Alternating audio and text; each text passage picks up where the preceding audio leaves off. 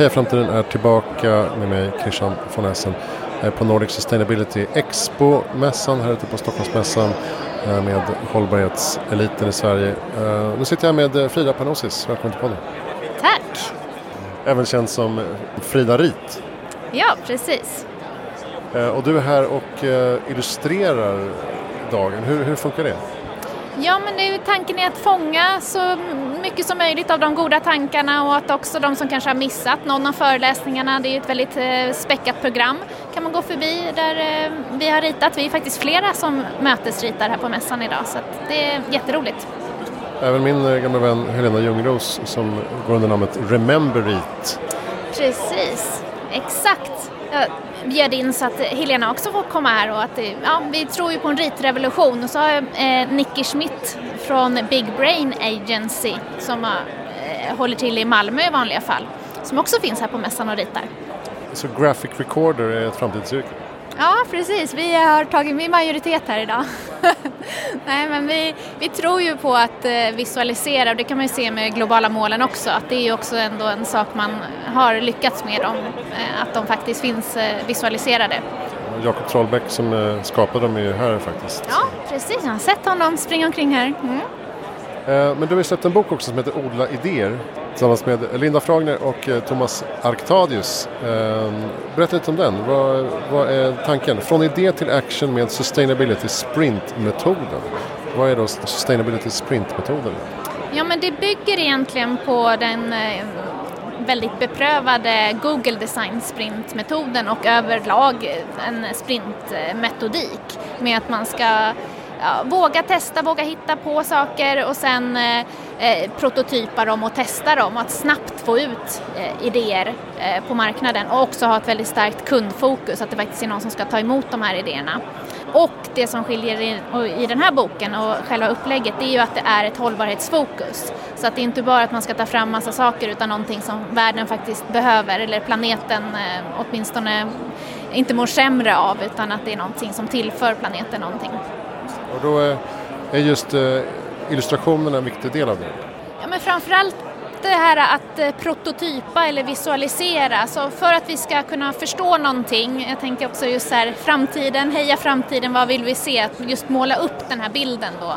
Vad är det vi vill se i framtiden? Och också när det handlar om att få idéer eh, att bli tydliga så blir det mycket lättare om man har en ritning i vanlig ordning. Alltså, i många lägen så är det ju självklart att om du ska bygga ett hus, eh, om du ska konstruera någonting, men så fort det kanske är lite mera fluffiga idéer, då är det inte alltid att man kanske ritar upp dem. Men det är ju det vi tror på, att man ska liksom eh, visa det som en liten ritad film eller bara någonting ritat så blir det lättare att få igenom sina idéer. Då kan man eh, addera vad som helst också.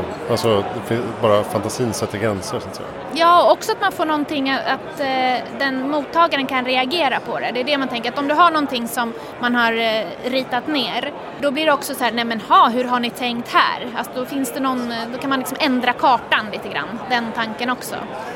än om det bara är fluffiga ord så att säga.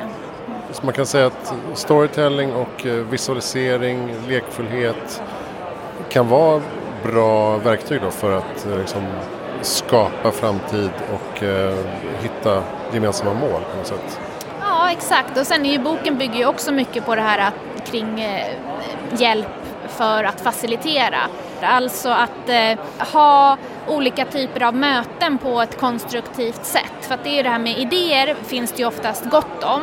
Eh, eller i alla fall kanske tankar eller att det är, men vi har försökt att hur kan man då få det här till verklighet och att också gör så här, att det här är liksom en handbok för ja, då kan du samla din lilla grupp och så startar ni här och så funderar ni kring den här frågan och så finns det liksom eh, enkla steg för steg eh, metoder som är plockade då från, från de bästa.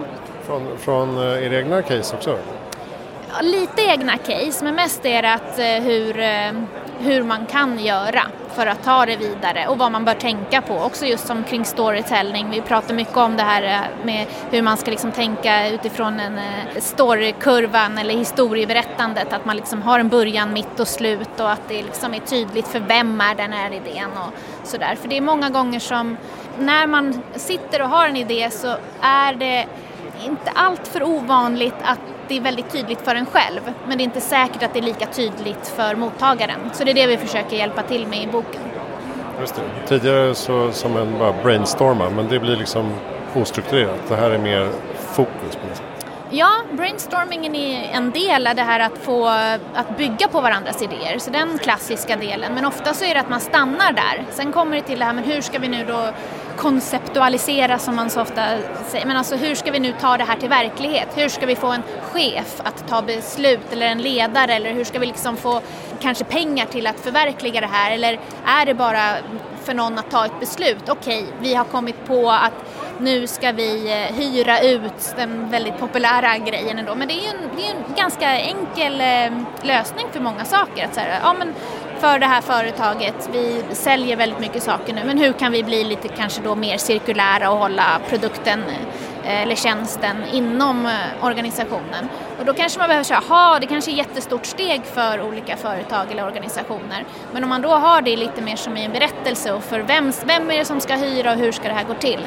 Eh, då kan det bli lättare att just få beslut och att det blir någonting. Och det här att det ska gå, att det är en sprint, är det ett självändamål att det ska gå fort? Liksom? Att man ska agera när idéerna kommer? Ja men alltså nu är det ju, vi har ju bråttom, så är det ju. Det är liksom, och det, kurvorna ser ju inte så himla toppen ut eh, kring mycket. Så att vi tänker att den här metoden som ju också liksom är väldigt beprövad och vi har liksom tagit, det är därför vi har med oss Thomas också från akademin och att han är liksom tyngden kring innovation och entreprenörskap. Att det finns ju enkla sätt eh, för den här krångliga utmaningen som vi står inför. Och eh, varför inte då använda de metoderna? Det är lite så vi tänker. Just det här med odla idéer då, vem, vem tänker ni eh, att boken vänder sig till? Ja men det är ju så här, vi, vi, tror ju att det finns väldigt många hållbarhetsmedvetna och vår uppfattning är att de flesta gör så gott man kan eh, och lite till kanske i sitt privatliv. Man kanske har tagit liksom, man har eh, eh gjort sina kloka ekonomiska val, man eh, kanske har dragit ner på kött och alla sådana här saker och att man försöker se över sin eh, ja, hållbar el och alla möjliga sådana här saker. Man försöker vara så himla så gott det går som privatperson.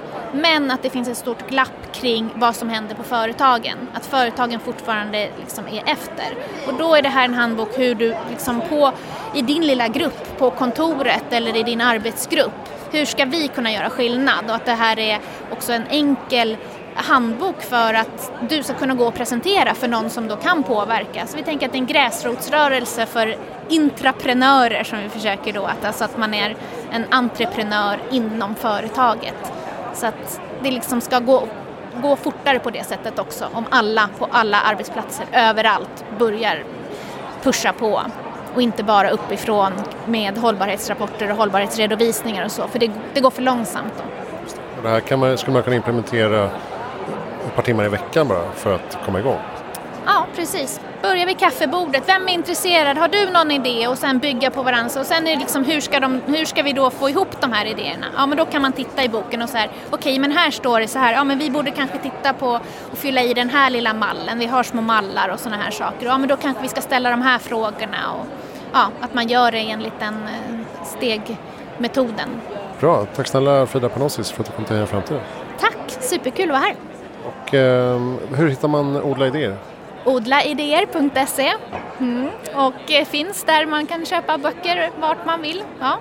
Eller gå och fråga i din bokhandel, så om vi vill ha bokhandlarna kvar så kan vi gå till en butik också. Ja, precis, det brukar jag ofta rekommendera. Fråga efter den, då kan de ta in den, för det finns ju systemet alla de här. Ja. Ehm, och eh, du finns på Instagram som Frida Rit och på LinkedIn som Frida Panosis. Ja, det stämmer. Alldeles utmärkt. Ja. Uh, eh, Helena Ljungros, eh, också graphic recorder, finns på LinkedIn och Rememberit på Instagram. Och eh, jag heter Christian von Essen och finns på hejaframtiden.se. Där hittar du allt om podden och mina projekt och magasin. vi sänder från Nordic Sustainability Expo på Stockholmsmässan. tack snälla för att du lyssnade.